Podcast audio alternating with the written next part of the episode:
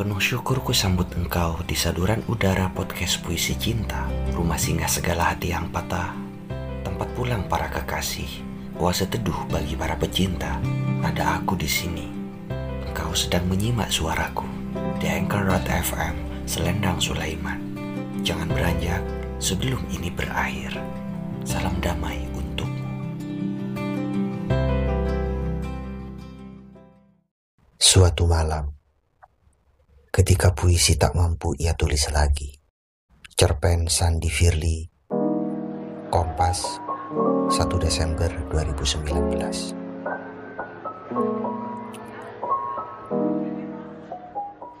Ketika Hairil tiba di bar itu menjelang tengah malam, Sapardi duduk di kursi dengan sebuah buku puisi tipis di tangan.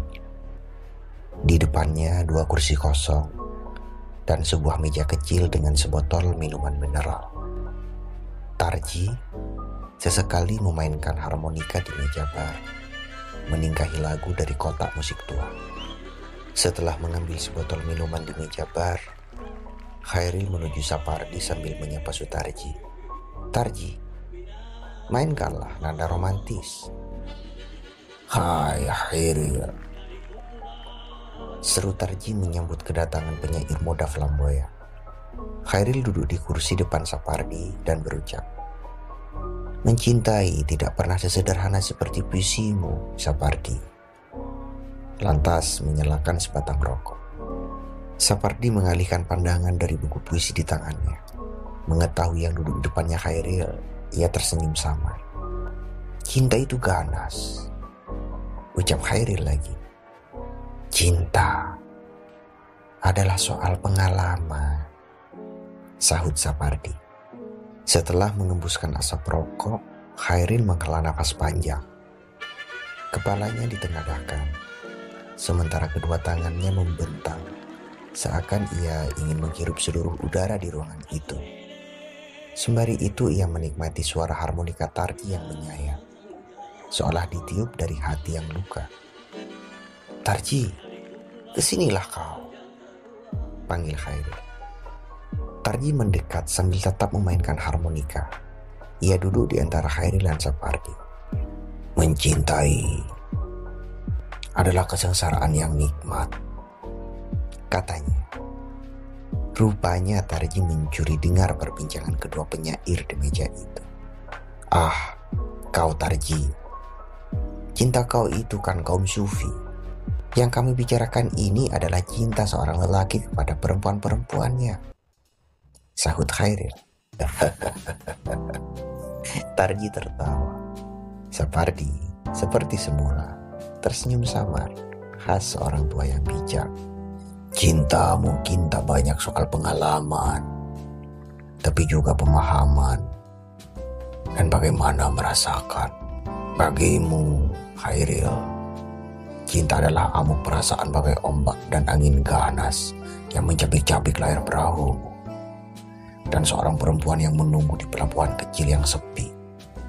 Sedangkan bagi Sapardi, cinta bagai awan hujan tanpa guru guntur dan petir yang lantas tercurah membasahi tanah dan kemudian menjadi tiada. Cerocos Tarji. Seketika Khairil tertawa keras, cukup lama, hingga matanya berair, dan di ujung tawanya berubah menjadi rilisan. Oh, cinta. Jika ku tahu mencintai sesakit ini, takkan aku ingin hidup seribu tahun lagi. Suara Khairil terdengar begitu lirih. Mencintai janganlah seperti menjeburkan diri ke tengah kobaran api. Kau pasti akan terbakar. Mencintailah dengan sederhana. Sebab cinta adalah sesuatu yang sederhana. Seperti awan, seperti hujan yang memberikan keteduhan dan dingin. Timpal Sapardi. Tapi Selatarji Cinta adalah mantra Ketika kau tersihir olehnya Kau akan merelakan hidupmu serupa dicakar-cakar kucing Lantas memainkan harmonika dengan nada menyayat-nyayat lagi Dan lukamu karena cinta menjadi abadi. Cetus Sapardi, kalian di zaman ini mana pernah tahu bagaimana aku terluntang lantung oleh cinta. Aku bagai pengembara yang kerap dicabik-cabik sepi, dikutuki nasib, dan pada akhirnya menggelepar dengan luka dan bisa yang pada akhirnya tak mampu lagi ku bawa berlari. Suara Khairil terdengar sendu. Sebagai orang tua, Sapardi menyadari betul betapa Khairil sesungguhnya adalah lelaki yang lemah. Tidaklah setegar suara-suara dalam puisinya yang bergelora. Hatinya begitu rapuh, selalu kesepian. Mungkin ia kerap menangis malam-malam dalam kesendiriannya, dalam doanya, dalam kesedihannya seperti ketika ditinggal mati nenek tersayangnya. Pelan, Tarji memainkan harmonika bernada melankolis. Khairil dan Sapardi terdiam seakan terbius. Eh, mungkin aku memang orang yang kesepian. Lenguh Khairil akhirnya, sambil mengajak-ngajak rambut. Setiap penyair adalah orang yang kesepian, timpal Sapardi. Sebab itulah kita mengisi kesepian-kesepian dengan kata-kata agar kita bisa bicara dengannya. Berdialog, walau memang kita berdialog dengan diri kita sendiri. Bahkan aku pernah membayangkan kata-kata itu atau tokoh-tokoh dalam tulisanku menjadi nyata, hidup, dan mereka mempunyai keinginan sendiri. Dan ketika aku mati, mereka yang selamanya terkurung dalam ceritaku melakukan protes sebagai seorang yang menciptakan mereka. Pada akhirnya, kelak, sahut Tarji. Kita akan tetap hidup walau telah mati. Kita hidup lewat kata-kata yang kita ciptakan. Kata-kata yang kita hidupkan. Mungkin seperti pernah kau katakan, Khairil kita akan hidup seribu tahun lamanya, atau bahkan hingga kiamat. Khairil bergeming dengan jari tangan mengepit rokok yang tertahan di bibirnya. Entah merenungi kata-kata kedua penyair di hadapannya, atau kata gelam dalam dirinya sendiri. Aku tahu, ucapnya kemudian. Setiap kita memang akan mati. Dan aku setuju dengan yang pernah kau katakan Sapardi, bahwa yang fana adalah waktu dan kita abadi. Ah, aku senang sekali dengan pertemuan ini. Ah, aku senang sekali dengan pertemuan ini. Seru Tarji. Wajahnya berseri-seri lalu menari-nari meniup harmonika bernada ria. Dan baru ketika itulah Sapardi yang sebelumnya hanya selalu tersenyum samar, tertawa cukup nyaring. Begitu juga Khairil yang kini seakan ada api baru dinyalakan dalam jiwanya. Berdiri dan menari mengiringi Tarji. Tepat ketika itu, seseorang masuk dari pintu bar dan langsung berseru. Hai para penyair.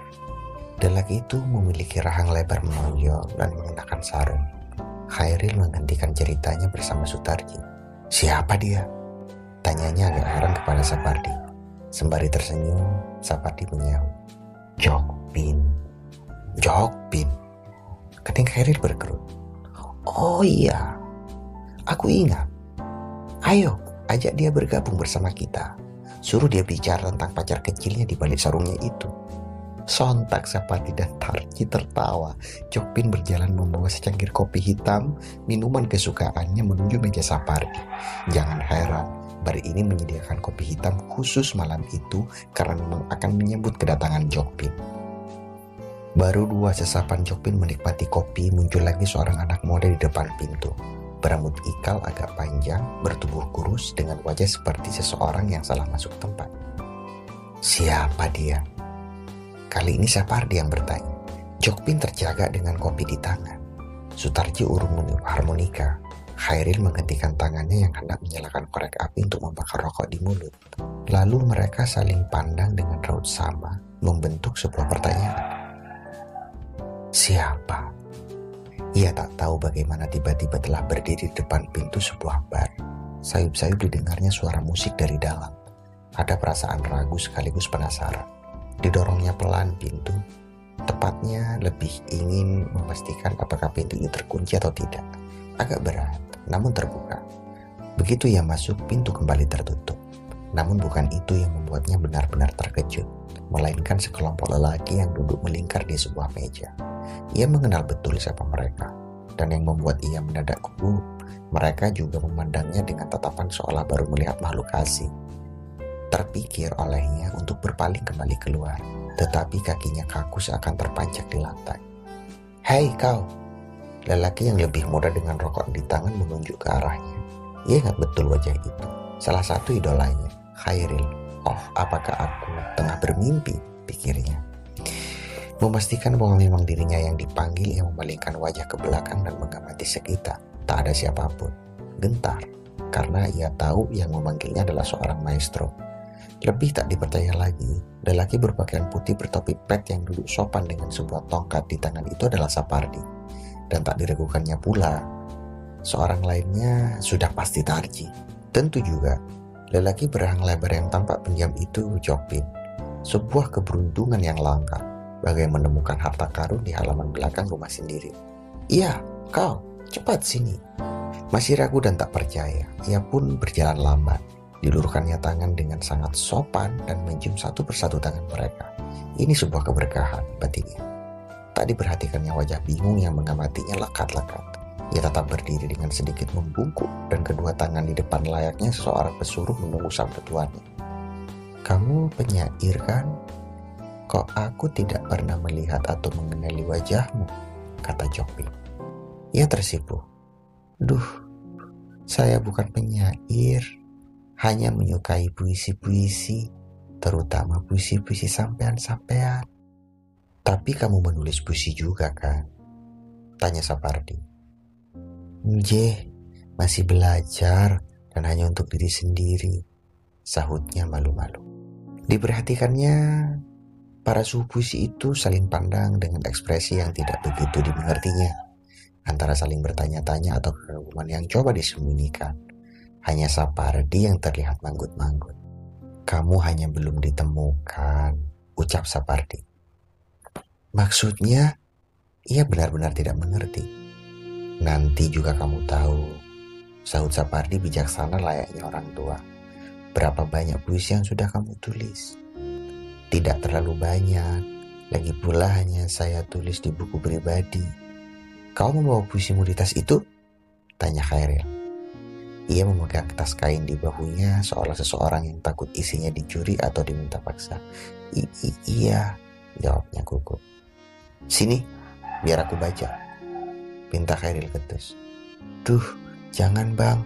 Saya baru belajar menulis puisi. Malu, tolaknya. Lagi-lagi para penyair tertawa. Kamu adalah orang yang terpilih. Puisimu pasti hebat. Kalau tidak, kamu tidak akan berada di sini bersama kami, kata Sapardi. Tapi, ah, tak usah ragu. Perlihatkan saja puisimu kepada kami, cetus Tarji. Mendadak ia teringat perempuan pujaannya. Seketika itu pula kata-kata seperti sekawanan lebah mendadak menyerbu dan menyengat isi kepalanya. Maaf, ucapnya gugup. Saya harus pergi sekarang. Hei, mau ke mana kau? seru Khairil. Menulis puisi, cetusnya sambil berbalik.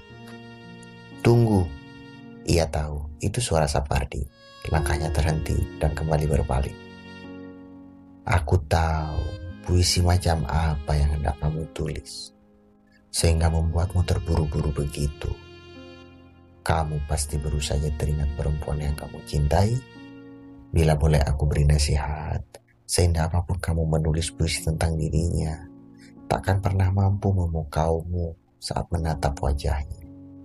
Apa yang tak terlihat dan tak terbaca di antara pandangan matamu dan wajahnya, itulah sejatinya puisi. Hening, waktu seakan berhenti beberapa saat. Pergilah, seru Tarji dan seketika itu waktu seolah bergerak kembali. Ia masih berdiri di bawah hujan malam itu. Sebentar lagi pukul 12 dan ia telah memutuskan akan menuntaskan puisinya. Seorang perempuan yang sebentar lagi keluar dari bar di hadapannya. Yang sejak tadi membuat pikirannya melayang-layang. Perempuan yang pada banyak malam membuatnya disiksa menuliskan puisi-puisi cinta yang gagal. Tetapi kali ini di dalam tas kain bahunya tak ada lagi puisi karena ia tak mampu menuliskannya lagi. Hanya ada sebilah belati.